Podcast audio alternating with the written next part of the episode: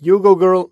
Grem, evo, uh, Met in čaj, podcast o medijih, dobrih in slabih praksah, poslušate, novih tehnologijah in trendih prihodnosti. Gosti v medijih delajo, z njimi živijo in o njih razmišljajo. Gostitelja pa sva Aljaš Pengov, Bitenc Radio Chaos in Nataša Briški, Metina Lista. Aljaš, živeli. Živijo. Kako si? Um, v redu, kako je ti izzivov polno. Um, danes bo taka ena epizoda, ki jo planirava. Uh, govorila sva seveda o vse prisotnem boju proti novemu koronavirusu. Govorila sva že spomladi, je to bilo, ne, ko sva imela konzula, šefa konzulare na Ministrstvu za zunanje zadeve. Andreja Štera, pa pred nekaj tedni sva klepetala z enim delčkom ekipe sledilnika, Uh, zdaj bomo pa to nekako nadaljevali. Ne? Uh, in to je bil tudi predlog, ali až uh, ene od naših poslušalk, ne? da naj Ja. poskušamo dobiti uh, Jureta, uh, ki je PR UKC. Jure, zdravo. Zdravo, sam se bojim, da ne bom uspel biti tako viralen, kot je gospod Šter. Lej, štera, eh, lej. Mislim, Sej, Jure, oprosti, ampak časi so, ko biti viralen ni ravno priporočljivo. tako Da, Ja, se v redu je. To drži. E, Jure Brankovič, ful sva vesela, da si se nama pridružil. Tako da lej, to je bila res eh, želja ene od poslušalk, uh, da te povabimo in tudi mi dva sva to imela že v mislih in se zelo veseliva te debate. Preden jo začnemo, uh, naj povem, no, da so res komentarji in predlogi dobrodošli na bodi si info afna metina lista.si, kukava tudi na ključnik metin čaj.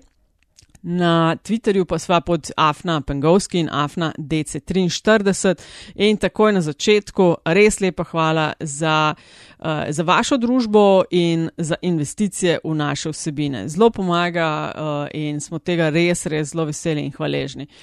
Uh, to je za štart, ali jaš kakšen stavek, ki ga želiš, ki te tišči ali pičmo. Um, mislim, da sem najmanj, kar jaz sem dolžen, še proti vprašanje, Nataša, kako si pa ti? Uh, a veš, da sem danes pa krasen, prvi dan, uh, ko grem lahko med ljudi. Jej, full dobro. Yes. Bravo. Uh, no, tako kot sem rekla na začetku, uh, o boju proti novemu kor koronavirusu in tokrat z vidika nekoga, ki skrbi za komunikacije v Jure, kaj največja firma v Sloveniji. Ja, po mojem, glede na število zaposlenih, eh, smo tam nekje za, čas za EPP, Gorenje in Merkator. Uh, ampak mislim, da imajo oni večji delež eh, svojih zaposlenih tudi v tujini, tako da smo nekako eh, primerljivi. Medtem ko recimo v enem govoru je naš nekdani direktor rekel, da jih je UKC za eno vojsko, pa se je pol popravil, a ja, malo smo večji od slovenske vojske.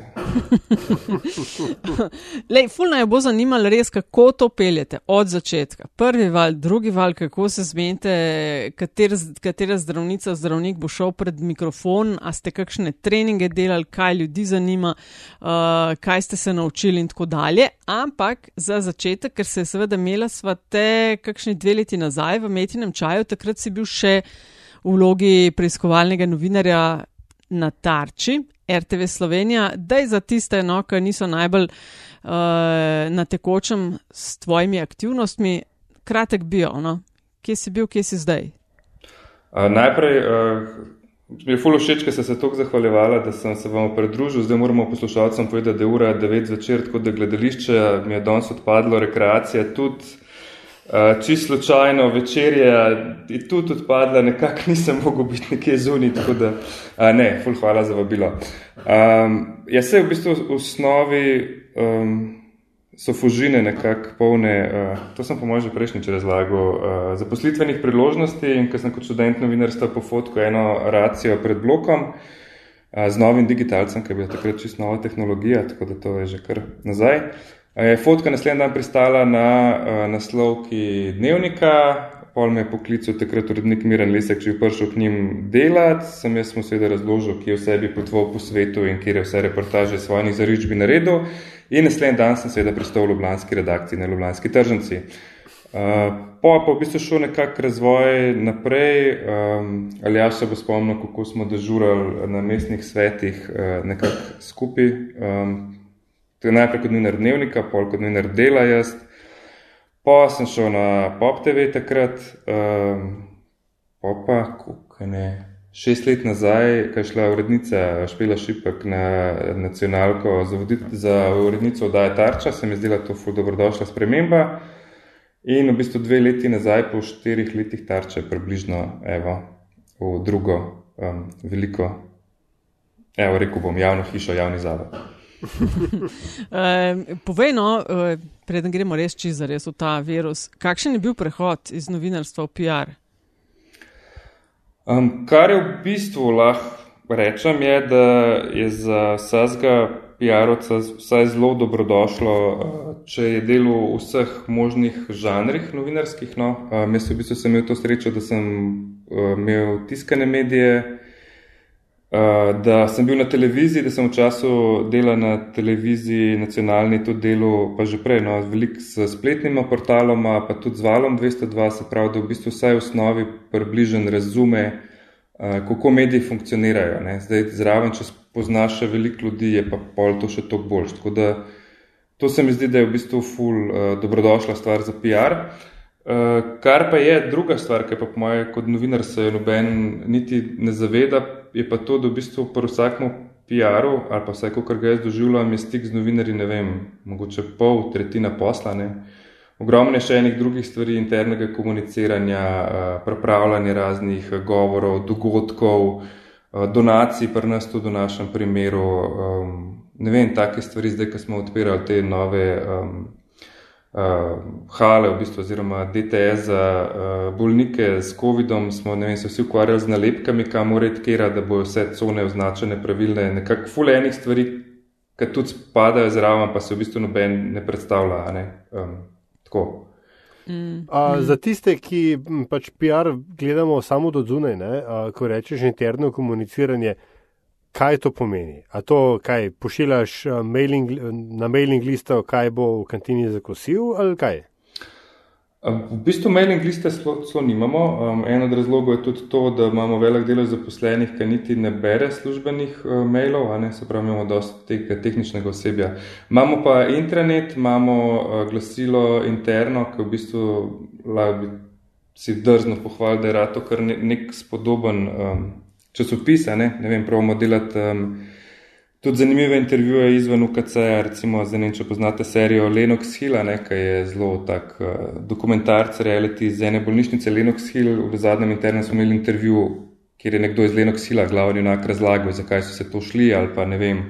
Predtem, ko smo imeli eno številko uh, o uh, sodelovanju z mediji, je bil intervju z Muhičem noter, pa z ljudmi iz Majo klinike. Tako, no, nekako pravimo, en tak bolj spodoben, brljiv časopis naredi iz tega, ampak važno je, da imaš vedno nagradno križanko, no se tukaj je največji odziv. Um, poleg tega pa recimo ne, mi smo zdaj zaštartali um, Viber skupnost, se pravi ne grupo, Viber skupnost UKC, ki ima tisoč članov, ker v bistvu omogoča zelo neposredno komunikacijo.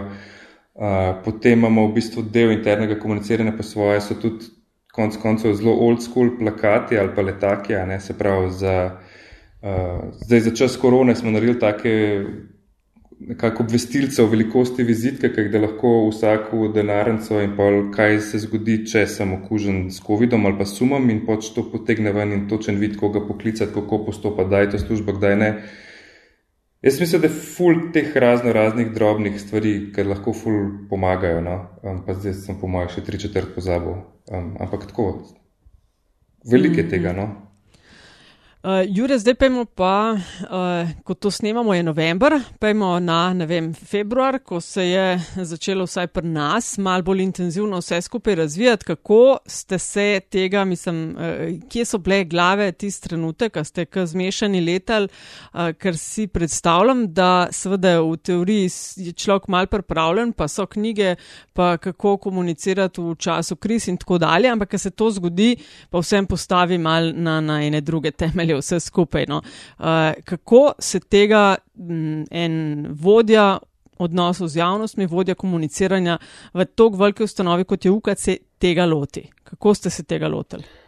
Mislim, v osnovi, če lahko rečemo, da bomo lahko pri COVID-u s čem srečo, um, imamo v bistvu tle mogoče dve sreči. Um, prva je ta, da je v bistvu zgodba s koronavirusom se dosti počasi razvijala. Se pravi, ni preko noči prišla v Slovenijo. In druga je ta, da imamo res dolgo klop dobrih govorcev v UKC-ju, no, kar se zdaj tudi izkazuje. Zdaj, prvi stik s to korono je bil, zdaj mogoče se boste spomnili, pa se da zelo hitro uh, zgooglati, ker smo imeli uh, tiskovno gripi, recimo januarja, februarja nekako. Uh, in so se sprašvali tudi o koronavirusu, naši infektologi so marsikaj razlagali uh, o tem, kar se takrat vedeli, ampak mislim, da je šel nekako anale um, izjava od uh, dr. Pokorna, um, infektologa iz pediatrične klinike, ki so ga zdaj sprašvali, kaj naj ljudje delajo s pošiljkami iz um, Kitajske in je on rekel, no, kaj odprete, ne s tem prstom polo nosa ne, in si po njemu vrtati. Uh, takrat se je to zdelo tako zelo daleč, ampak kljub temu, če se nekako primerjali z unim prejšnjim starsom, ki ni imel nekega vpliva pri nas, ne, uh, se v bistvu so naši infektologi že kar se lotevali zadev. No. Mi smo imeli tudi prvo predavanje za zaposlene, kaj sploh v bistvu je COVID, to je naša dr. Leko, strokovna direktorica. Um, infekcijske skupaj s parimi ljudmi izvedla. Vem, to smo tudi posneli. Um, na, pač, to sploh ni bila moja ideja, ampak sem z veseljem izpeljal in imel to na YouTubu, ker se je zadeva res začela rolati nekih 20 tisoč ogledov ali še več, ne vem, zdaj bi v bistvu mogli pogledati. Ampak v bistvu postopno se je to kar razvijalo. No? In um, pol vem, da so bili takrat časi, preden je ta prvi pacijent prišel so me v bistvu, po mojem, vsak dan trikrat klicali, aj že en, aj že en, aj že en. Pol, blas... Kdo te je to klical? Je novinari, ne, zakaj ga še ni? Aha. Mislim, vsi so ga že imeli, Italija je že trpela, vsi so že imeli neke primere, mislim, da Hrvati so nas zelo prehiteli in to bilo res. Strašno in spet, kje je zdaj? Spet enkrat. Ja, ja mislim, kje je zdaj ta naša, ne, number one, ne. Uh, in ga ni bilo, ne. Mislim, in pa je bilo še tako, da smo že malo uh, um, so se naši infektologi hecali, da bi mogli že malo po marah ali pod mizami pogledati, nekje zdaj je. Mislim. Ampak pa je, so, pa je prišla ona skupina uh, motoristov iz Maroka, no in pa smo tudi mi vstopili um, v to uh, COVID-ero, no in smo pa pač postopno se na njo uh, prilagajali. Um, kar je bilo meni v bistvu dost všeč, je to, da tako je nekako uh, obstaja neka strategija za primer gripe, a ne, ki so jo lahko vzeli ven, a ne, ki v bistvu tudi že govori o nekih epidemijah. In hkrati v bistvu je pol strokovni svet, ki je nek naš najvišji strokovni organ, sprejel pravila in ena od teh pravil je bila, da je v bistvu komunikacija dosti centralizirana, ker je pač to potrebno, in pol smo nekako postopno se razvijali v to smer. No. Je šlo mic po mic. No. Ko rečeš, da ste se prav to obdobje ne, od, od uh, točke, ko ste, da rečemo, ugotovili, ne, oziroma ko je postalo jasno, da tam zunaj nekaj je, in do um, prvega slovenskega pacijenta, uh, bolnika z koronavirusom, okužbo. S čim, bi mogoče, s čim bi ti lahko to primerjal? Prej si imel neko športno metaforo, ne, dolga klop govorcev. Kaj je to? A je to čas do začetka te velike tekme, a je to vem, trening, a je to uh, ne vem, redakcijski sestank v medijski hiši, ki se zmenijo, kako bodo nek velik event pokrivali? Ma jaz mislim, da prvi val je bil zelo tako, kaj pa vem, evolucijsko, pa dosto obvladljiv. Um, mislim, težko bi ga s čim primerjal. Je pa definitivno med prvim in drugim valom to poletje. Ne? Zdaj sem tudi um, rad berem zgodovinske knjige, no? se tudi študiral sem doštudiral zgodovino poleg minarstva. In pol doskrat, ko si razmišljal, kako so zdaj doživljali uh, čas pred drugo svetovno vojno, recimo na Polskem, nekaj Avstrija padla, pa Češka padla, pa Hitler je haro, ne? to je bilo isto pred drugim valom. Tako, tako se mi je zdelo, da v tem COVID-u bilo tako, kot so oni govorili za ne vem, Hitlere. Ne, eni so rekli, se ne obstaja, drugi so rekli, se je ful parjazen, tretji so verjetno rekli, da se do nas ne bo pršel. Pa oni ljudje, ki so rekli, da moramo se pripraviti, ne, nekaj se bo zgodilo, so bili pač neki čudaki ali pa paničari. Tako, ta del med prvim in drugim valom, vedno sem razmišljal, pač, kaj so lahko recimo ljudje razmišljali, preden se je zgodila vojna v zadnje mesece ali pa tedne ali pa ne vem, leto konc okay. koncev. To, to razumem, to, ne? To, okay. ampak a, a, vi ste vedeli, kaj prihaja, ne? se pravi tam januarja, februarja, ne bi bilo jasno, ker sem imel ta usposabljanja. Veš, to me ne zanima, znotraj prva, kaj, veš, kaj ste čakali na. Ne vem, veš, a ste trepetali, a ste. Ne, v bistvu... ta, ta notranji feeling, to me, to me zanima, ne, ne, ne to, kar je narod mislil. Je bi ga, kle smo, kjer smo. Pa v bistvu je ful zanimiv, da ni do zdaj nikoli ni bilo enega strahu ali pa panike. Bilo je, bilo je res zaskrbljenost, da bomo imeli dosto opreme, um, kaj se bo zgodilo, kako se bo odvila. Ne? Tudi pol, ko smo ta prvi val analizirali, uh, je naša šefica infekcijske rekla, ko smo pa um, v pritličju, tam, kjer nikoli ni bilo intenziv, začeli kopičati robo, to bi se celo ena fotka obstaja in ko ona hodi mi in gleda to v robo, rekla, fakt, takrat me pa zaskrbel, um, če bomo zmogala. Ne?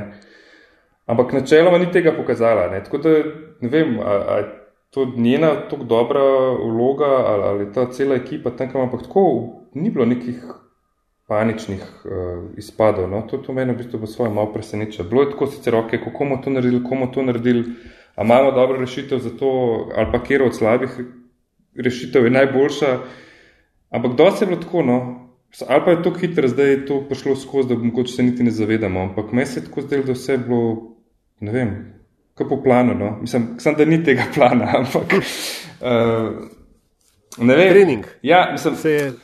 Tako, tako nekako ta, ta COVID je pač nekaj, kar nobeni pričakoval, oziroma nobeni še doživel, in pol vedno smo razmišljali, da tudi noben nas na to ni mogel pripraviti. Ampak v bistvu so nas. Ne? Um, z nekimi drugimi vsemi zgodbami je nekje vcepljen bilo v nas, ne vem, je to v genih ali priučeno ali privzgojeno. In ne vem, se mi zdi, da večina ljudi je potegnila, ne vem, odkje je zdaj to. Ali od oni starejši od nič nas ne sme presenetiti, ali mi mlajši od ne vem, filmov, ampak tako. Pojkar zlafalno. Kaj pa ti? A? Ker pač eh, ti imaš zdaj čez uh, eh, PR in ko si ti prišel v uh, klinični center, je bila pač si imel druge vrste problem, ne? ali pa probleme, da rečem, z podobo, ki jo ta ustanova imela v javnosti, z vsake tolikšnimi kakšnimi parcialnimi informacijami, ki so v, z nekimi agendami vendletele. Ali obratno, UKC je itak taka priljubljena tarča, ne? politike in medijev in tako dalje. Kako si se pa ti pripravil na to? Že jaz prvi dan, ko sem prišel v službo in sem hodil po njih neskončnih hodnikih, kaj hitek sem se zgubil, verjetno ne šestkrat vmes, sem si mislil, oh moj bog, kam sem jaz to prišel. Mislim, to, to je nekaj tako velikega, um, da to je mission impossible. Ampak, mislim, ne vem, na koncu se mi zdi, da zelo velika večina ljudi v UKC-ju približen ve, kaj hoče, pa v resnici hoče imeti nek red, ki ga mogoče ni bilo ali pa ni še vedno dost. No. Tako da, če vidijo neko dobro idejo, po mojem, večinoma kar grejo vsi proti istem cilju. No? Vse to verjetno za vse ljudi velja. No? Mm, Jure, um, omenil si, da ste uh, imeli, uh, da je komunikacija dost centrali, da ste se odločili, da se je strokovni svet odločil, da more komunikacija biti centralizirana. Zdaj, kaj to v praksi pomeni? To pomeni, da je en sestanek, ne vem, ožjega odbora, na kjer ga pridajo eh, glavni strokovnjaki in strokovnjakinje, pa gre pol to iz enega vira naprej, ali kako to pri vas deluje? Ja, to je v bistvu najtežji del mojega posla, je, da je ta en sestanek eh, vsako jutro ob sedmih. e, tako da na začetku bi užival no, na infekcijski eh, kliniki, eh, zdaj je preko teh. Eh, Eh, komunikacijskih kanalov, no, eh, Webeksov in Webexa, no, konkretno pri nas, uh, tudi neka vrsta podobna kazumno, se verjetno poznajo. Ja, ja. Uh, in je v bistvu dobro, da je lažje tudi doma si zraven ali pa recimo na poti na kolesu poslušaš poslušalkah ali pa kaj. Ampak v bistvu takrat zjutraj je nekako prav status report, ker so vsi uh, ključni infektologi tam, uh, generalni direktor, strokovna direktorica, glavna medicinska sestra, um, koga zihar sem še koga pozabil. Nekih deset ljudi, verjetno. Ja, v bistvu ta neka, mislim, se reče tako full vojaško temu, ožja poveljniška skupina. Uh, in tam v bistvu, plus da se vključuje zdaj ljudi, ki so aktualni, recimo, um, in tam v bistvu nekako se vidi, pogleda, kje smo, ne, statistično, številčno, kakšne so težave, kaj planiramo, uh, kako naprej. Tle je v bistvu šefica je dr. Leko, zelo, tudi zelo uživa v digitalnem svetu, ker ne more en drug čez drugega govoriti. Uh, je to res ali se hecaš? Ne, ne, res, to je tudi ona v izjavi povedala, uh, ker smo prav enkrat delali uh, prispevek o tem, ko smo se selili na Webex in rekla, da je to odlično. Mislim, um, ona je pač tudi nekdanja vojaška zdravnica in uh, to se vidi pri njemu. Hvala Bogu, načinu razmišljanja in um, načinu subordinacije in um, pač to nas tudi rešuje. Skratka, rada ima mute funkcijo. Pa ne rabje. ne rabje. ona ne rabi mute funkcije. E, tako da mislim, da tam zjutraj se točno zve, kaj približno, um, kje smo. No, pa pa se v bistvu tudi malo razmišlja uh, v tem smislu, kaj pa kako bi povedal, kdo bi povedal. Um, Meni se zdi zelo dobro, da imamo v bistvu um, zelo dolgo klop govorcev, kot sem prej rekel, ne, se pravi, da um, lahko razbremenimo ljudi, uh, da ne bi bil skozi isti govorc. No, Ampak, eh, Čeprav se zdi, da so eni, da trije, eni trije, tri gospe ali pa ene pet vse skup od, od, od marca dalje. Mislim, jaz bi jim tako dala tem gospodom in gospem medaljo za požrtvovalnost, ker se mi zdi res, mislim, ne samo samorednega dela, še ob tem vsak dan pred kamero. Kako se sploh zmenite, kdo gre pred kamero? V bistvu je nekako tako, da uh, probamo dr. Leko malo šparati, se pravi, da kar res, ko so neki večji dogodki ali pa kar res neka zadeva, ki je treba res povedati. Um, potem je v bistvu tukaj uh, profesor Bejovič, ki ima v bistvu tako nehvaležno dvojno vlogo, ne, ki po eni strani je zaposlena v UKC, uh, hkrati je pa v bistvu vodja te vladne uh, skupine. Uh, pa imamo dr. Logar, ki je v bistvu ne vem, ona, ona je pač naravni talent, sploh ne kaj bi eh, drugega rekel. Um, res je zelo dobro komunicirati, zelo potrpežljivo. In... Čak, to je ta gospa, ki ima majico I can't fix stupid. Ja, ona, ja, I can't fix stupid, but I can intubate it, je cel napis. To si ti svetoval, ne? Ne, ne, ne, ne. ne. Ona je v bistvu začela v prvem valu z nekimi čevlji, eh, takimi zanimivimi supergami, z nekimi doktorskimi motivi in zdaj ima že kar serijo uh, teh majic, v bistvu so karatele že malo um, viralne. Um, ena je, čak, I am doctor and I'm mom, nothing can scare me. Uh, pa tako ima nekih, no, in pa zdaj skozi pošilja, hej, to sem najdla, misliš, da je ta prehuda. Um, tako, pač. Ampak je full ok, mislim, tako full. Ne vem, pa je pa v bistvu še dobro, ker imamo. Um, Hkrati je v bistvu šla uh, um, naša um, ena profesorica, je šla na uh, tale Valde 102, se vsak dan oglaša, takrat, ko je imela uh, uh, ta Jesus, uh, vladni svetovalni servis, no, uh, Matičič, uh, tako da ona je četrta v bistvu um, od teh, ki pa tudi spet ful dobro razlaga, no, uh, pa imamo v bistvu še profesor Tomažiča, ki pač skozi dela neke raziskave, pa razlaga, pa pol je eh, profesor Repka, več šef intenziv, pa pač tak full nakoliran intenzivist in, in res pač tudi zna full pač povedati to ali ne, stvari in, in, in to je to. In pač on, kar nekaj pove, mislim, vsi so taki, da jim pač verjameš, jaz ne vem. Ampak Vse po svoje, v bistvu te zdravniki, kot prvo, vsi so dosti navajeni predavati, in kot drugo, pač oni so že bili v situacijah, jaz se tako razlagam, v življenju, ki so pač svojcem ali pa ljudem, ki so zboleli, mogli že ful hude stvari povedati. No? Tako da pol tudi neko srečanje s kamero, verjetno ne more biti nekako tako stresno, kot je mogoče za koga drugega, ki je ne vem, v neki pisarni ali pa ki v bistvu nima nekako toliko stika z realnim življenjem. No? To so v bistvu vsi ljudje dejansko, ki so iz foha in še dnevno pač se srečujejo z zelo težkimi kajsi. No. Tako, jaz se tako to razlagam. No. Ali pa so vsi naravni talenti, ne vem. Ti si tudi vojsko svoj čas pokrival v novinarskih časih. A ti od tam tudi ti kaj vlečeš, um, kaj pa vem, znanja ali pa pridobljenega vedenja za trenutne razmere? Mislim, od tam, pa z teh novinarskih časov je zelo dobro, ker imamo mi zdaj tudi zaradi tega dosti odprta vrata, oziroma dosti hitro se zmedno z vsemi. Mislim, jaz sem pač dosti delal, recimo, ne, s civilno zaščito, pa tam v bistvu vse imaš one phone call away. Z vojsko, v bistvu, načeloma uh, tudi. Ne, um, mislim, ne, vojska tudi sicer prej bila zelo zanimiva, se sta imela tudi Simona Kora za zelo zanimiv način mm. komuniciranja.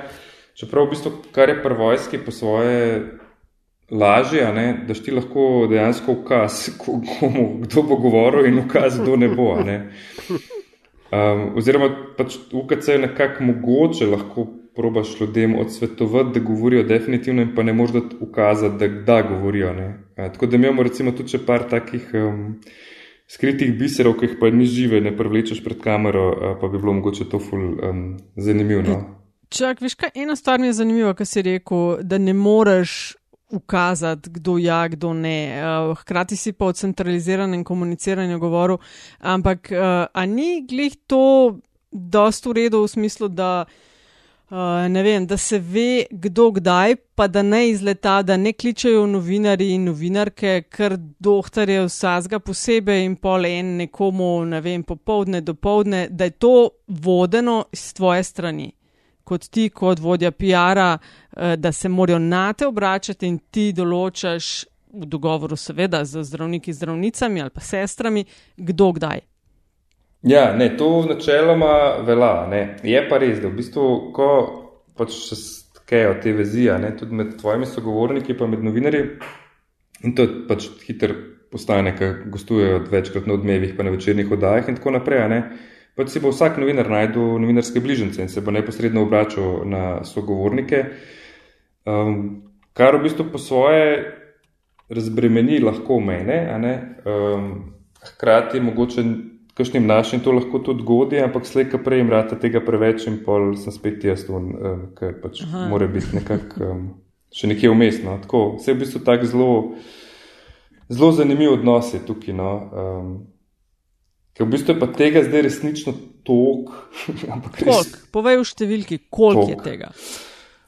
Uh, sploh v bistvu, mogoče najbolj to pove, jaz sem pač tako malo uh, s kompulzivno uh, motno, pa imam za vsako stvar tabelco in sem zelo nesrečen, če recimo. Um, Vsega izdatka v svojem življenju ne izpolnimo neko tabelico, in seveda, takoj, ko smo pa v UKC, smo naredili tabelico za novinarske vprašanja, Ampak ta tabelica zadnji mesec je umrla, ne folga, res. Uh, tako ne vem, to, to, mislim. 10, 20, 30 ja, ja, tako, ja, ja, 20, recimo. To je plus, v bistvu, kar je bilo v prvem valu zanimivo, je bilo to, da takrat v bistvu šla država v tak lockdown, da so bilo samo vprašanje na COVID, ne?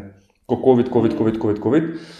In pa spet uh, kliče vem, po enem mesecu ena novinarka in reče: Ja, ja jaz imam pa eno vprašanje za uh, infektologa, za profesora Strlita. In jaz tako, ok, gledaj, ni strle za COVID, nekaj tam začnem razlagati. Ne, ne, se to je pa v klopih. In mi tako, v klopih, super, realnost se vrača.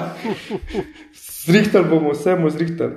Zdaj pa v bistvu nismo opazili, da bi bilo drugih vprašanj, ki je drastično manj. Nekaj se tudi v bistvu vidi, da ni šla država še v tak lockdown, kot je bilo ta prvič. V, v tem mhm. vidiku, uh -huh. ali pa da smo se v bistvu tako navadili na ta COVID, da z njim že sobivamo. Se pravi, da je še vedno glavna novica, ampak da ostalo pa ni se končalo.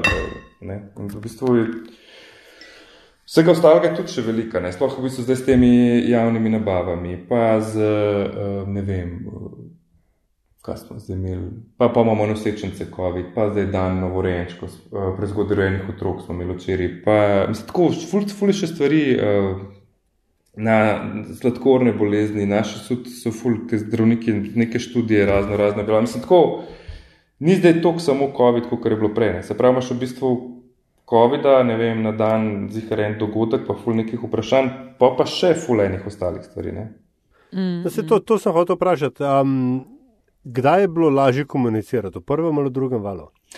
V bistvu je ena fulključna razlika. Um, v prvem valu noben ni v bistvu nič vedel, ne? v bistvu še tudi naši uh, infektologi mogoče niso dost vedeli, kar tudi sami priznavajo.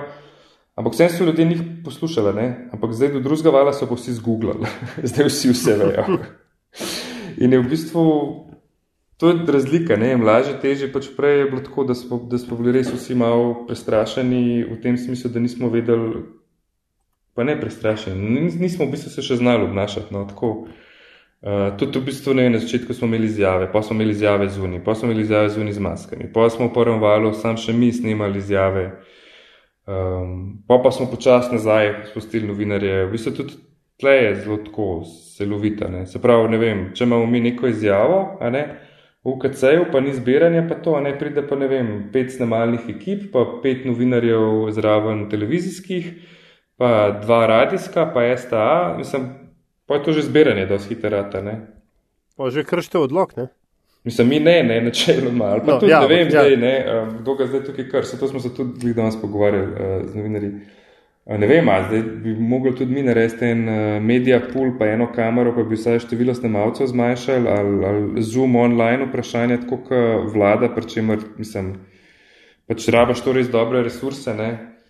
Uh, mislim, v bistvu fulje vprašanj, sprot, kako to delati, no, ampak nekako probamo zbalansirati. Um, kar se da. No. Ampak kar je dobro v krizah, no, to sem pa naučil, eh, ker sem bil na parih tečajih eh, tega um, odzivanja zdravstva v kriznih razmerah, je, ne, kar ti na koncu povejo, je, da po vsakih takih kriznih razmerah, eh, ko narediš analizo, si v bistvu zmagal, ne, ker, ker si uspel, ker, ker um, si naredil vse prav, ker v bistvu noben ti ne more reči, kaj bi bilo prav v trenutku. Ne, tako da. Ker narobe bi naredil samo, če bi umrl. Ja, ja, mislim, nekako eh, zelo težko je naknadno nekako ocenjevati, če, kaj bi naredil, če bi vedel, kaj bo čez en mesec. Ne? To je v bistvu ja, ja. ta zanimiv del. No. Uh, no, ampak gled, vendarle, ne. Na začetku smo omenili, da je uh, klinični center v bistvu uh, tak um, skriti velikan, ne, največja firma v javnem sektorju, uh, ali pa celo nasploh, največji zap- zaposlo- zaposlovalec v državi. Uh, tudi njegova, da rečem, družbena ne, da, in celo mitska vloga je uh, priznana, da se gre v klinca, je tako rekoč nekaj, kar je eh, zapisano ne, v narodovi biti. Um, tudi v narodovi zgodovini, ne, kjer, kot, kot, kot kraj, kjer so se vrhuške tega javnega sistema zdravile, je, je uh, zapisan. Uh, kaj jo, kam boste šli potem, ne, ko, ko, ko, bo, ko bo tega drugega vala enkrat konec? Recimo, da bo prišel tretji, pa upamo, da bomo imeli že, saj, že neko osnutek cepiva. Imeli. Skratka, na neki točki bo ta situacija, ki imamo zdaj, se normalizirala. Bodi si bo, uh, bomo virus potamanili, se bomo lahko cepili proti njemu, bodi si bo on z nami, pika konec. Ampak klinični center bo še vedno tam in kam bi ga ti komunikacijsko, da tako rečem, rad pelo. Nekako tako bi lahko rekel. Um, enkrat sem imel še kot novinar neko srečanje ali predavanje policistom uh, v Gutenici. Pa pol sem manjši incident uh, povzročil, ker sem nekako v tem smislu povedal, da vi lahko lopovo zaprete, ampak če ne znate tega povedati, nekako niste naredili nič, ker to ne deluje preventivno. Um, pa so bili malo jezni, ampak nekako so se pol strinjali in nekako tudi mi moramo to povedati. Ne? Se pravi, še to bolj, kot mogoče pri policiji, v zdravstvu isto zaupanje je ful pomembno. Ne? Mislim tudi, kjerkoli literaturo vzameš, eh, tujo o PR-u zdravstvu, it's all about trust, ne trust, trust, trust, building trust in tako naprej. Ne? Tako da jaz mislim, da pač more nekako biti zgrajeno to um, zaupanje v institucijo. No? Um, sploh zdaj, v bistvu, ko vsak že pride z googleno diagnozo, pa sam še hoče, da mu zdravnik napiše recept ali pa kar poveže, kaj je treba odrezati ali kaj tasga. ne. Tako da jaz mislim, da ful je pomembno zaupanje in pač to pa se seveda lahko zgradi sam, če vsaj vsi približen verjamejo um, v to zgodbo kliničnega centra. Ne. Zdaj naši se ful radi primerjajo z Majo kliniko, ne se tudi največje, nekako number one hospital, se oni hvalijo, ampak dejansko je zbrana kot najboljša bolnišnica na svetu. Ampak pa če sem vzel knjigo Management v Majo kliniki, ne, knjiga se začne približen stavkom uh, There is no place for primadonnas in Majo klinika. Um, kar je v bistvu zanimivo, no? um, zato ker pač dejansko imaš full primadon ali pa, um, mogoče ni primadon, ampak solistov ali pa prvako, evo, prvako reče, dranski gravci pri nas. Ne? In zdaj v bistvu nekako jih bo treba ali pa zelo dobro bo, če bojo, če, če dalje več razumeno, da je to v bistvu team playing, ampak ne sam tim v svojem oddelku ali pa v svoji kliniki, ampak da kot cel UKC. No. In pa jaz mislim tudi, če so ti odnosi nekako pošlihtani, ne, da pa jih tudi ljudje ne urejajo um, prek medijev. Um, in pa v bistvu je tako, sploh nama več dela. Ne. Tako da, ampak, tako v to smer nekako mislim, da bi bila rešitev za vse te večje organizacije. No. Kaj bi rekel, da ste se vprosti, sam ja, da, da zaključ, zaključen, ker se mi zdi taka fajn si žene. Uh, v bistvu je to vprašanje, da rečem, internega komuniciranja zdaj. Uh, to je v bistvu vprašanje internih odnosov. Zdaj, um, ena uh, od stvari, ki recimo se doskrat zezamo, da tako rečemo, pa pogovarjamo, je, da kar neki urejajo in urejajo in ne morejo urediti, ne, je pol kot oskrat reče, da je sam zrihtite to, ker če se bomo mogli PR s tem ukvarjati, bomo vsi imeli ful problemov. uh, da, ja, mislim, interno komuniciranje, pa tudi pač te interni odnosi nekako. No. Ne vem, jaz mislim, da je pomemben, da sploh v toliko velikih sistemih, da je um, hierarhija ful jasna. No. In strokovna, in uh, poslovna, no, tako oboje v bistvu. Da se točno ve, kaj kdo dela. Sicer to nikoli ne bo točno, ampak da vse približeno vsi vemo, no, kje je kje smo. No? Pol v bistvu lahko um, na polno ga žgeš na jadrnici ne? ali na čem koli. Če pač vsak ve točen, kje mora zategniti štrik ali pa kje mora, ne vem, ne? obrniti krmilo. Kaj bi rekel, Jure, da ste se naučili komunikacijsko iz prvega vala? Uh, mislim, jaz mislim, da social, social, social, no? um, da dejansko um, družbeni mediji so v nekem pomembnem um, usponu. Eh, mi smo v bistvu um, bili zelo rezervirani do recimo Facebooka, ampak uh, v bistvu ga sploh ni bilo, no, dokler nisem jaz uh, prišel, ampak tudi pol smo zelo bili previdni pri tem, ampak smo dejansko ugotovili, da je to uh, pomemben kanal. No. Um, vem, Twitter v bistvu je ful pomemben, uh, tvoja pol informacija se tudi embeda noter vse uh, spletne strani pozema in embeda. Uh, video, recimo YouTube, mi smo imeli uh, že v prvem valu nekih predavanj po 60-70 tisoč ogledov, kar, kar je v bistvu za 10 minut na strokovno predavanje, se zdi meni nora velika številka. Sveda je bila pridobljena s tem, da so bili te videi uh, embedeni ali pa ne, ko se, ko se reče po slovensko, spletne strani medijske, ampak Mislim, dejansko imaš ti zdaj res full kanalov, s katerimi lahko neposredno komuniciraš. No? In pa v bistvu tudi prek teh kanalov se doskrat pozame zgodba. Se pravi, veliko lažje kot vsakmu. Ali pa jaz mislim, da je bilo na številno vprašanje odgovorjeno že s temi objavami in da smo tudi s tem v bistvu se deloma razbremenili um, tega, da bi res vsakmu posebej mogli odgovarjati. Ali pa dali ideje, recimo, v katero smer ne grejo prispevki. Tako. To se mi no, zdi. Ko omenjaš, ko omenjaš social, ne? zdaj vsi imamo te pametne telefone.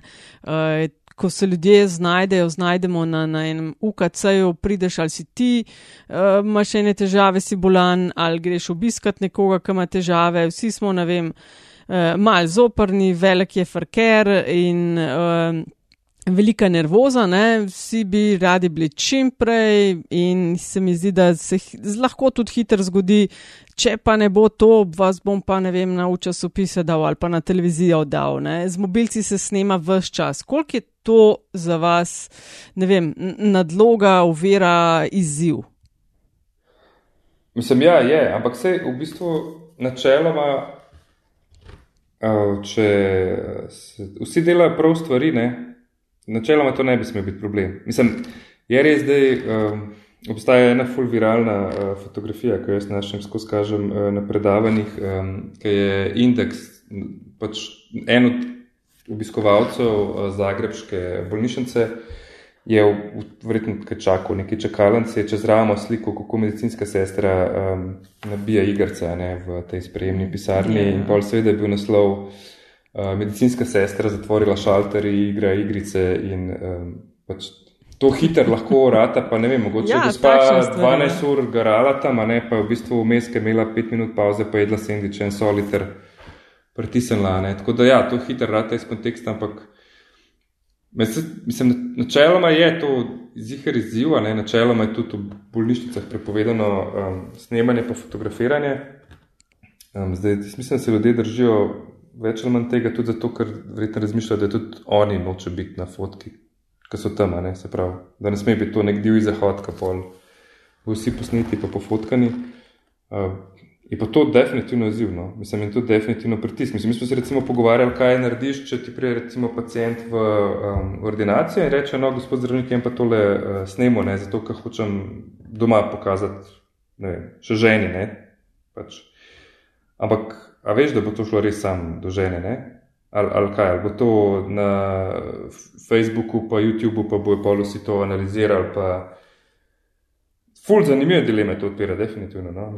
Okay, to, so, to so, da rečem, dileme prosto po GDPR-ju uh, in, in nasplošno zasebnosti, pa profesionalni etiki, pa da rečem tudi poslovni skrivnosti v končni fazi. Uh, ampak, uh, lej, uh, ipak je to Slovenija, veš, in v Sloveniji vsak nekoga pozna. In uh, kolikrat se ti je že zgodil, pa ne rabimo o imenih, ker ipak je to Slovenija, da je pa tebe nekdo klical in rekel, stari, fulman forko, ne vem, ata, mama, teta, stric je zdaj na urgenci, štiri ure že čaka, se ima uno ta zeleno tablico, ne, ni, ni urgentni primer, ampak a lahko kaj narediš. Mislim, to se je dogajalo na začetku, dost, uh, ampak jaz sem imel v bistvu to takrat srečo, Jaz nisem še nobenega poznal, tako da takrat definitivno ne bi mogel nobeno več pomagati. Uh, in to sem bil sem tudi razložil, no, tako da nekako so vsi razumeli, vem, da imam dober izgovor ali pa da, se, da dejansko neč ne morem pomagati. No, se, v bistvu je, se, se s tabo itek noben ne more več ja. Ja, tako da v bistvu je to dosto vseeno. Uh, tako da ja, na svetu so bile neke te message, pa maili, pa ne vem. Ampak a je, a, a je to še tak endemičen problem? Veš, kaj, spet, ne, prej smo govorili o izkušnjah naših babic, ne, pa to, kako to, kar so one včasih delale, se pravi, pa naši starši, veš, umivati si roke, pa paziti, kako kašaš, pa tako dalje. Vse te stvari zdaj nazaj prihajajo. Um, ampak. A je, uh, zdaj, zdaj zelo na okroglo, hočem priti do ne, korupcije v zdravstvu. Veš, A so modro koverte, pa viski, pa tako dalje za lečečega doktorja, a je to še del narodove kulture? Mislim, meni še noben več podnesel, uh, ampak v bistvu ne vem. Uh, v osnovi, da bi. Je kar, kar jaz to doživljam, no, je ponavadi tako, da nekdo reče, da um, ne vem. A bi ti še pogledal koleno od moje babice, tete, sestrične, whatever. In pač naši, ne, doskrat verjetno rečejo, no pa bomo, ne, ampak ne zdi se mi to, da je ful povezan z narjem, no, da je to bolj ta slovenski zrihtati, mogoče, um, ampak da to niso velike stvari, ne, ker zdaj vse velike stvari pač dejansko ne morejo čez, zdaj vse je šifrirano, vse je uh, v, se obračunava, mislim, večine stvari po moje ne moreš kratko malo Večine stvari ne moreš v velikem obsegu, kar tako malo min sistema narediti. No, tako se jaz predstavljam. No. Uh, tudi v bistvu te čakalne vrste se mi zdi, da so s to digitalizacijo, pa to so tudi malo um, se bolj pošlihtale. No. Ampak jaz sem zihar, to seveda, jaz si predstavljam, da se to da še ki zrihtati, a ne. Um, ampak ne verjamem, da je to v takem obsegu, kot je zapisano nekako um, narodni zavesti. No, tako. Ali pa, kot je mogoče včasih bilo, ali ja še preomenil GDPR, ne? Eh, te uredbe, zakone, priporočila, zasebnost, spoštovanje zasebnosti. Koliko imate s tem težav? Zadnjič sem brala zelo zanimivo reportažo na MMC-vi spletni strani, ko ste ekipo spustili na intenzivo. Ne? Zdaj, se veš, snemanje, varovanje podatkov, obrazi, kako s tem delate? A, v bistvu spustili smo novinarko, brez fotografa. Uh, imam eh, RTV, spravo MMC, pa 24.com. Uh, fotografije so bile narejene, uh, tako kot prvem valu, jih imate po še naredu za UKC, fotoreporter, da sem tudi priznan in prepoznan kot dober. In v bistvu pol smo tudi skupaj gledali in blurali, in še bolj blurali, in še najbolj blurali. Uh, to, da ja ne bi bil kdo, ki um, prepoznan. No. Tako da tako nekako je. Je pa res, da um, načeloma, ne, če ti bi rekel, da dosledno upošteval, da ne smeš nikogar spustiti v noben prostor, kjer je mogoče kakšen osebni podatek, a ne pol v nobeno zdravstveno ustanovo, noben novinar ne more. Ne. Ker pa se vemo, vsak, vsake ambulanti družinskega zdravnika, tudi če gledamo kakšne izjave po posnetke, so kartoteke po mizah, ne ali pa so malo pokrite. Um, ne vem, posod že v bistvu, če človeka posnamaš na nekem oddelku, ne vem, za spolne bolezni, recimo, ne, pa da je on tam, bi bilo lahko že ful rizično tako. Um, ful je težko. No. Tudi recimo težko je komunicirati, če te novinari sprašujejo o nekem konkretnem um, primeru. Ne. Tudi zato, tako kot sem sprašal, sem prosil informacijsko poblaščenko, ne nam da neko mnenje o tem. Ne. Se pravi, če vprašal Janezu Petršilčko, ne, kaj je bila njegova diagnoza, pa kako so zdravniki to vse zafrknili, kaj lahko zdaj mi odgovorimo. Ne. In informacijska poblaščenka je izdala neko mnenje, če ga nekako na kratko povzamem. Nič ne smete odgovoriti, ampak če pa vas nabijajo, oziroma če napišejo kaj narobe, pa lahko pravite v manjšem obsegu. Um, kar smo pa tudi naredili. To, to ti pa zelo roke zveže v resnici. Ja, ja, seveda, ja. ampak sej, v bistvu ni ta zgodba samo za bolence. Ne? Če se zdaj malo spomnite nazaj, so vedno vsi odvetniki lahko zelo glasno belskali, medtem ko je v bistvu policija pa tožilstvo sta bila ful zvezana, kaj smeta povedati, ker če bi kaj preveč povedali, bi tako je dokaz ven leto. Um, jaz takrat, ko smo delali vse te čiste lopate in tako naprej, um, kaj vse je bilo problematično, pa padal bo, pa to, pa pol ni nič padal, pa vse je bilo obsojeno. Ampak takrat so pač odvetniki lahko govorili karkoli. Ne? A, tako nekako podoben je lahko tudi zdaj. No? Um, predvsem se mi zdi, da sicer še nismo v fazi uh, ambulance chaserjev, neko, kar temu rečejo v Ameriki, da se odvetniki vozijo z rešilci, pa talajo vizitke. Ampak dostakrat se mi zdi, da v bistvu v kakšnih očkodninskih tožbah, uh, ko vidijo odvetniki, ne, ki so nekako prepričali svoje stranke, da so vložili denar v njih, da bodo dobili veliko, še veliko več denarja od bolnišnic in ko vidijo, da se jim obrača na slabo, uh, pole zade na dut, ne, zdaj pa pokličite medije, pa razjokite se v kamero, pa pol bojo šli v bolnici v eno boljšo poravnavo, kot če ne bomo zgubili. Sam pač ne gremo, mislim, nekako preživeli so že toliko bolnišnice teh zgodb, da um, pač to no, samo pomeni. Povej, kakšne primere zdaj, seveda smo imeli eno odmevno okrog tega kupovanja zaščitne opreme, pa ventilatorje, pa respiratorje in tako dalje. Ne? Uh, in uh, v medijih razno razne zgodbe slišiš. Ne? Zdaj, jaz meni je jasno, da si ti zdaj sveda PR-ovc, ampak uh, koliko, ti, koliko uh, je bilo takih zgodb, ki so ti, ne vem, na živce stople. Uh, ne vem, par dni, tednov nazaj sem brala, a si res lahko privoščimo v financah, da nekih respiratorjev ne kupimo. Ne? Kakšna, so, kakšna je zgodba zadaj tega? Ne? Ker si predstavljam, da farmacevti in da, uh, so, da so lobisti na tem področju eni najmočnejših, najbolj pasih in najbolj zahrbtnih. Ja, v bistvu velik denar je. To je v bistvu osnovna zgodba. Um, pa ne samo UKC, recimo pri farmacevtih je zelo zaželjeno, da ko nekdo pride in se pri nas uh, ga, uh, nekako mu se mu pomaga, da mu naš zdravnik napiše že nekaj zdravila, ker pač po pol ta zdravila verjeten ta bolnik vleko še celo življenje naprej, točno te firme, ne, ki se jih ne bo spremenil. Eh, tako da recimo tle je ful zanimivo, se pravi, ne, samo ne gre samo za denar v UKC, ampak tudi za stvari, na kjer imajo recimo naši kot prvi lečeči zdravniki ali pa kot um, ljudje, ki jih v bistvu poslušajo, vsi ostali um, zdravniki po Sloveniji, velik vpliv. Druga zadeva je pa pač seveda, ne, v UKC Ljubljana smo sicer trikrat manjši proračun kot Dunajski klinični center, ki ima isto pacijentov, pa isto obravnav, približen, pa isto zaposlenih, ampak še vedno je to pač 500 milijonov na leto. Ne. Uh, in v bistvu to je, ok, polico gre za plače, ampak še vedno je dost razno, raznih nakupov, razno raznih interesov. Uh, Pa so take stvari pojavljale. Zdaj, ne vem, mi smo recimo v prvem valu imeli na testiranju en ventilator mediko inženiringa, ne, ki je pač domnevno bil zelo dober. Ne.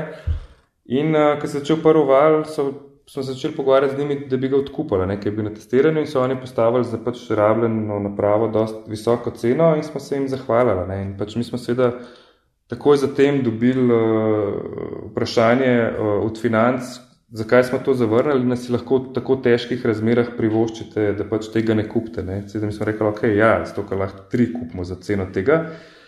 Ampak bolj zanimivo je, so recimo v eni drugi bolnišnici v Sloveniji ta ventilator preko donacij kupala ne? in pa je bila zgodba uh, nacionalne televizije čez tri mesece, kako so pa oni lahko nekaj tok drazga kupala. Ne?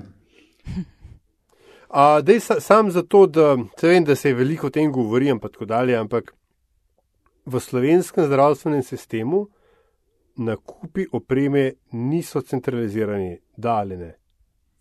Um, ja, ampak tudi takrat, ko se probojajo centralizirati, razpisi ne grejo doskrat skozi. To je v bistvu problema. Ne? V bistvu dejansko se zdaj ugotavlja, Um, to enkrat, ko bo narejena neka ne vem, analiza po koncu tega. Da, da bomo vsi zmagali, hoče reči. Ja, ampak dejansko pač zdaj, vsakeč, ker je razglašena epidemija, se velik del zakona o javnem naročanju ukine. Ne, kar je seveda logično, ker če bi pač naš sistem javnega naročanja tak, da če bi pač v prvem valu šli v razpise, zdaj za drug val ne bi imeli opreme, ker so toliko nekih pritožb, pa proti pritožb in tako naprej. In jaz mislim, da nekdo, ki bo analiziral, kako se je kupovala oprema mimo javnih razpisov, ki si ti dejansko lahko šel zdaj do nekega prodajalca in rekel, gledaj, rabam ne vem, 100 monitorjev ali pa 50, rabam jih eh, jutr ali pa čez en mesec ali pa ne vem, tok pa tok um, ventilatorjev in tako naprej, so po mojem gotovili, da so taki nakupi ful hitrejši in ful ugodnejši. Ker v bistvu po mojem tam v javnih razpisih že vsak kalkulira noter, uh, koliko v bistvu, koliko časa to traja, ali pa bo naredil ali ne bo naredil, zdaj pa če ti kupuješ pa te stvari, ne, tako kot bi recimo doma zase kupoval, ne, in si pač imaš nek jasen cilj, se pravi, če nižjo ceno za boljšo kakovost, mislim, se lahko neposredno veliko boljše spogajaš, kot v sistemu javnih naročil. Tako da vprašanje, če so sploh centralizirani javni razpisi smiselni. No? Hočeš reči boljš za uh, naročnika v tem primeru, recimo, za, za zdravstveno ustanovo? Ja, ja, in tudi za, sto, če bolj za naročnike, kon, koncu bolj za končnega uporabnika. Ne. Je pa res, ne, da je pa v bistvu, kar pa je verjeten handicap, ampak se to ni samo slovenski, pa to, da v bistvu zdravstvene ustanove pogosto nimajo dosti izobraževanj, dosti denarja za izobraževanje, ne, se pravi, pač so zdravniki dostakrat odvisni od tega, da jih, ne vem, eno podjetje pač pele um, povabiti na neko izobraževanje, ker jim pokaže, kako se recimo s kovkom podjetja A, full dobro zamena, ne vem, mislim, kako pač ta proteza je najboljša za sanacijo poškodovanega kovka. Pač on se uči, ne tam že podjetje, z opremo podjetja A, ne? se pravi, če nekdo navaja na opremo podjetja A, sploh ni nujno, da bi pač neke koruptivne zgodbe, ampak bi mogoče sam rad to delo, kar je navajeno. Vse verjetno je una oprema podjetja B isto dobra ali pa boljša, ampak pač on je navajen. Tako to se mi zdi tudi doskrat um, lahko razlog, no? da um, mogoče eni draž dela z enimi stvarmi ali pa ne. ne vem. Uh, Jure, koliko pa vodja PR-a na UKC-ju sodeluje z uh, glavnim govorcem vlade za kor novi koronavirus? A se to z gospodom Kacinom uh, Ali se to kaj slišite, ali to enim drugega delate, kako to gre? Ne, mislim, da se čez dalje bolj usklajujemo. No? Mislim, mislim, da dejansko se zdaj že skoraj vsak dan uh, slišimo, definitivno se zjutraj uh, malo izmenjamo um, podatke. Um, in se zdi, da je to fulok, no? um, da nekako vemo, da on tudi v bistvu pove, kako si on zamislil ta teden, s katerimi govorci, zakaj, da pa le spr naših preverjanj, kdo bi šel kaj v živo, kdo bi bil po zumu. Um, tako da, da to kar laufa. To, to je zdaj, recimo, v zadnjem času se ful popravilo, no. dejansko začelo dobro laufati. No. Um, tako, dosti usklajeno. Fajn, ne, lej, po sedmih, osmih mesecih, ful dobro, da ste zaštartali zdaj z drugim uh, valom. Ja, mislim, kaj bi si, ne, kaj bi si mi, kar izvoli, izvoli. Ne, si, jaz mislim, pač v osnovi.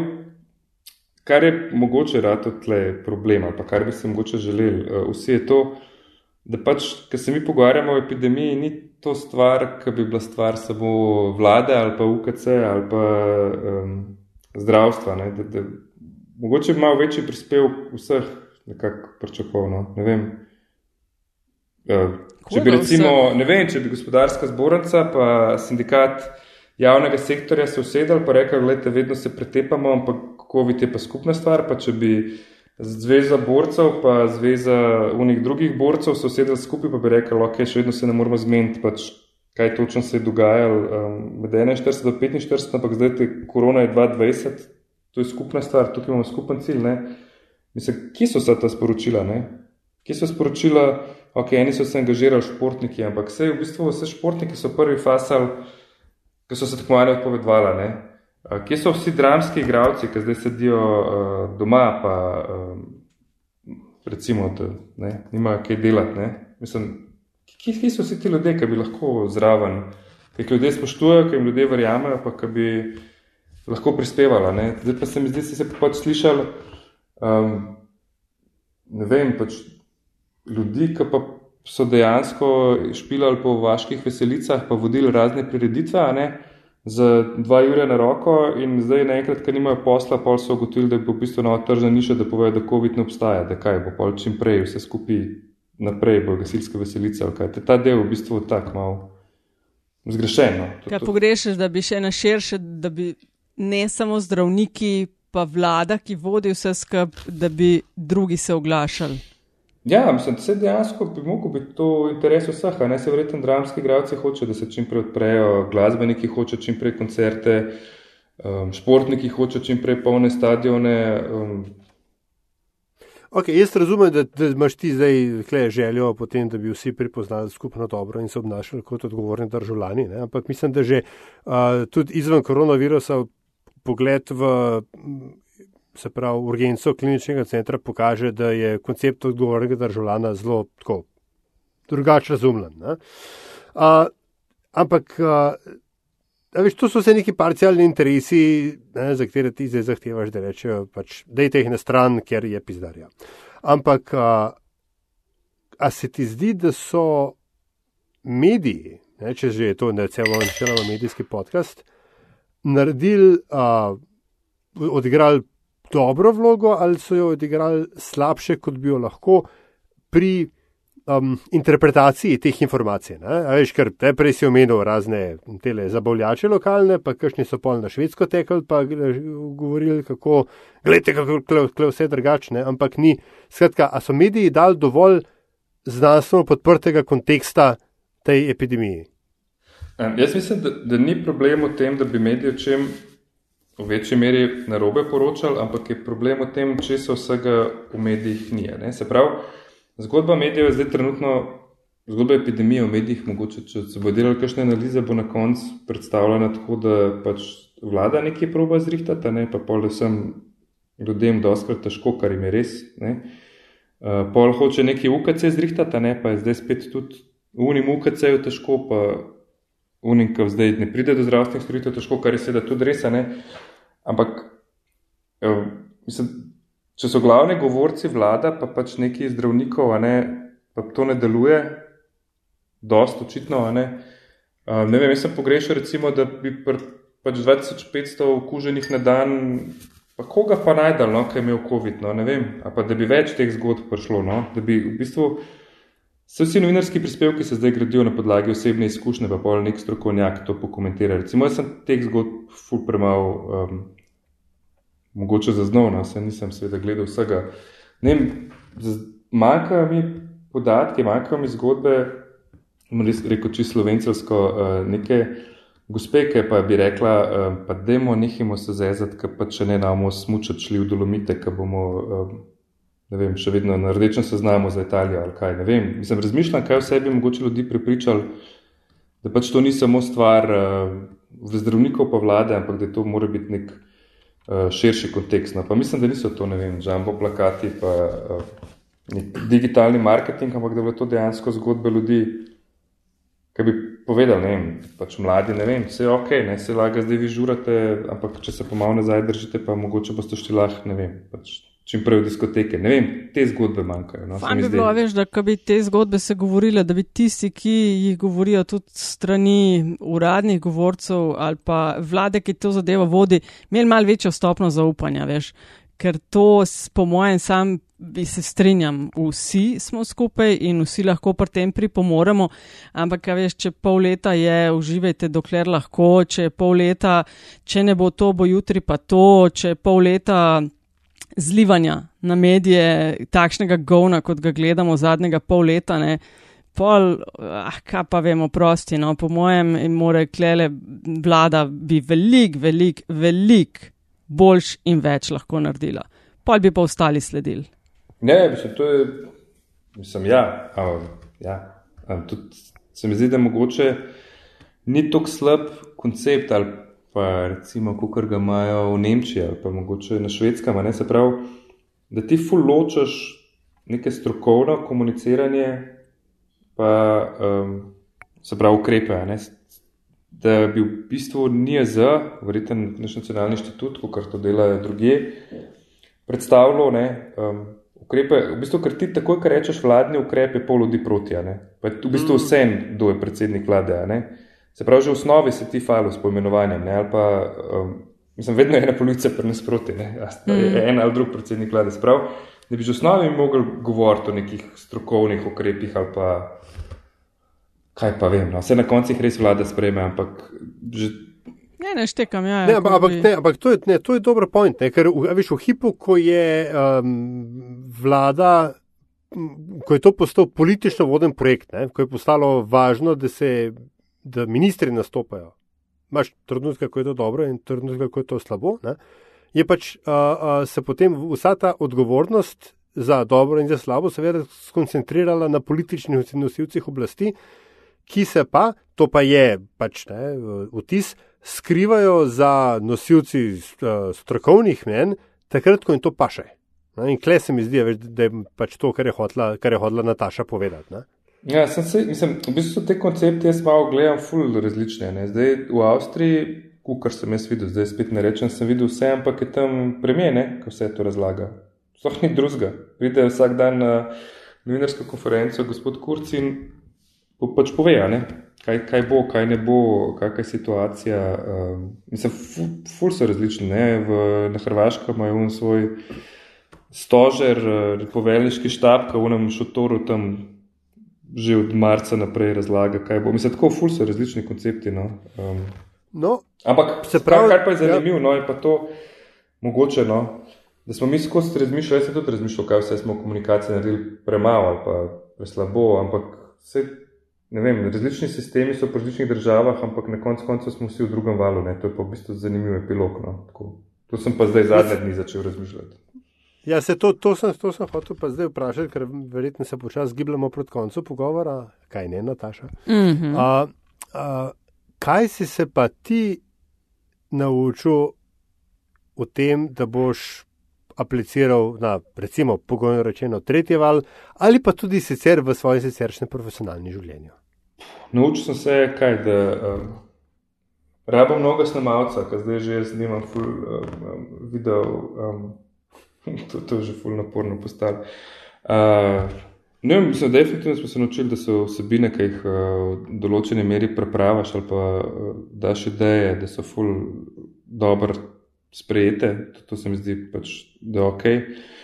Uh, da je tudi v um, tem. Um, hitrosti, v bistvu, da, da res moraš zelo razmisliti, pa zelo dobro pripraviti stvari, ker ni več enega preverjanja. Da je dejansko še čez dalje manj tega, um, ne vem, mislim, ta 8-dnevni rok odgovorov za medije, to je v bistvu res kot en tak homi, komičen relikt zapisan v zakonu, zato ker ponovadi so vprašanja v 8 urah, je že zelo full dobro, uh, če ta krok. Um. A ja, hoče reči, to je to, kad dobiš ob dveh popoldne vprašanje in delajo pa za dnevnik ob petih ali pa kaj tasga. Ja, ja, ali pa recimo pošljajo vprašanje ob, ne vem, enajstih, prosim odgovorite do uh, trinajstih, v bistvu pa članek ob dvanajstih že na internetu. No, tako, to, to je klasika slovenska. Um, kaj tako, ok, se se.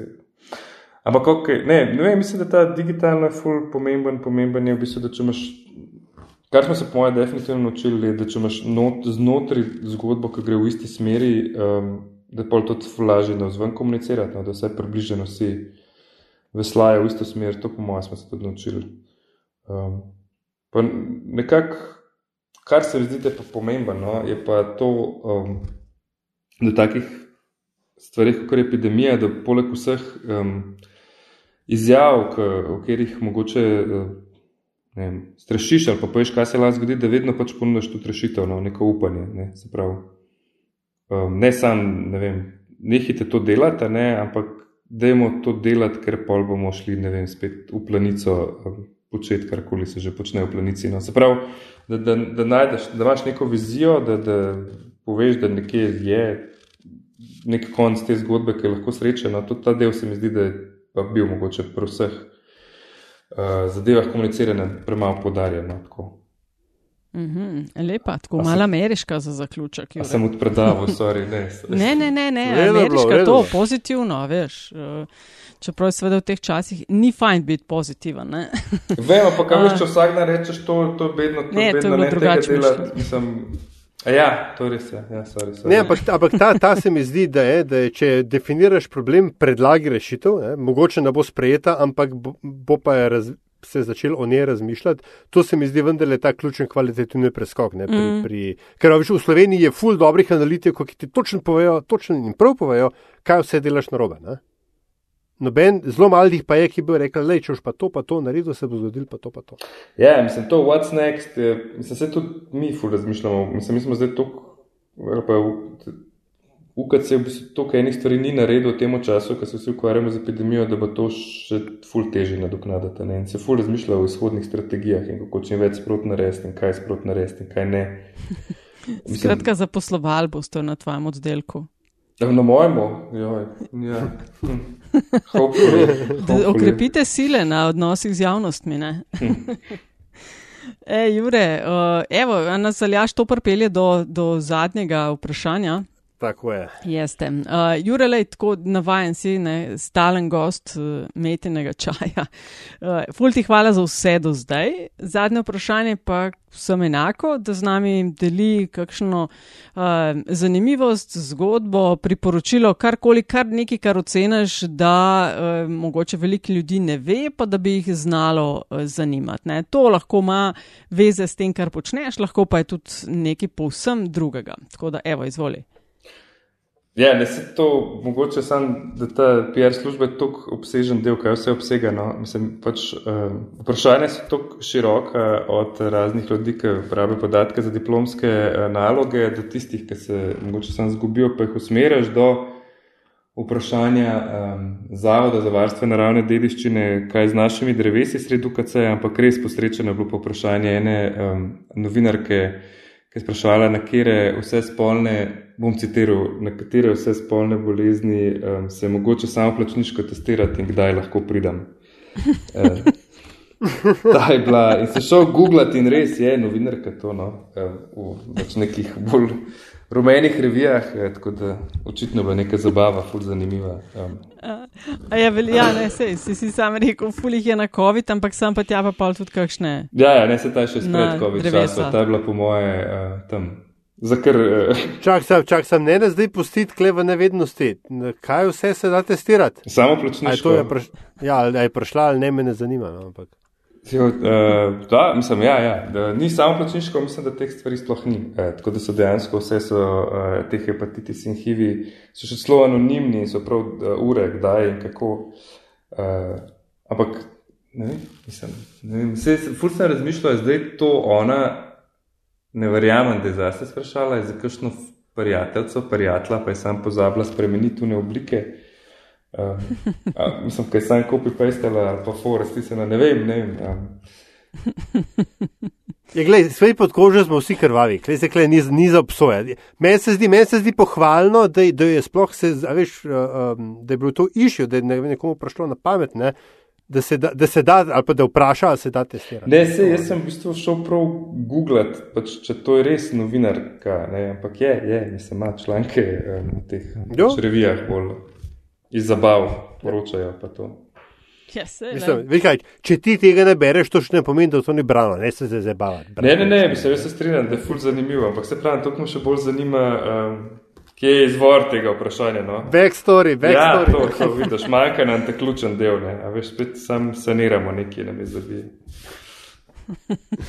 Ej, Jure Brankovič, vodja službe za odnose z javnostmi UKC Ljubljana, ful ti hvala za tvoj čas in uh, za to, da si nas odpeljal na sprehod po drobovju UKC v teh uh, izzivov polnih časih, uh, predvsem tudi valjda zdravstvene narave, ampak tudi komunikacijskih, po mojem, ne manjka. Tako da ful ti hvala za tole, no in kaj ne rečem, dobro delite še naprej, ne? Ja, pa upam, da ne bo noč tazga še dolg, da bi bil spet na metinem čaju. Ja, zdaj no, potrud se. No. Veš. Vi vsi ostali, drage, drage in dragi, pa umivajte roke, držite dva metra razdalje, pa maske se nos čez nos. Ne, tako.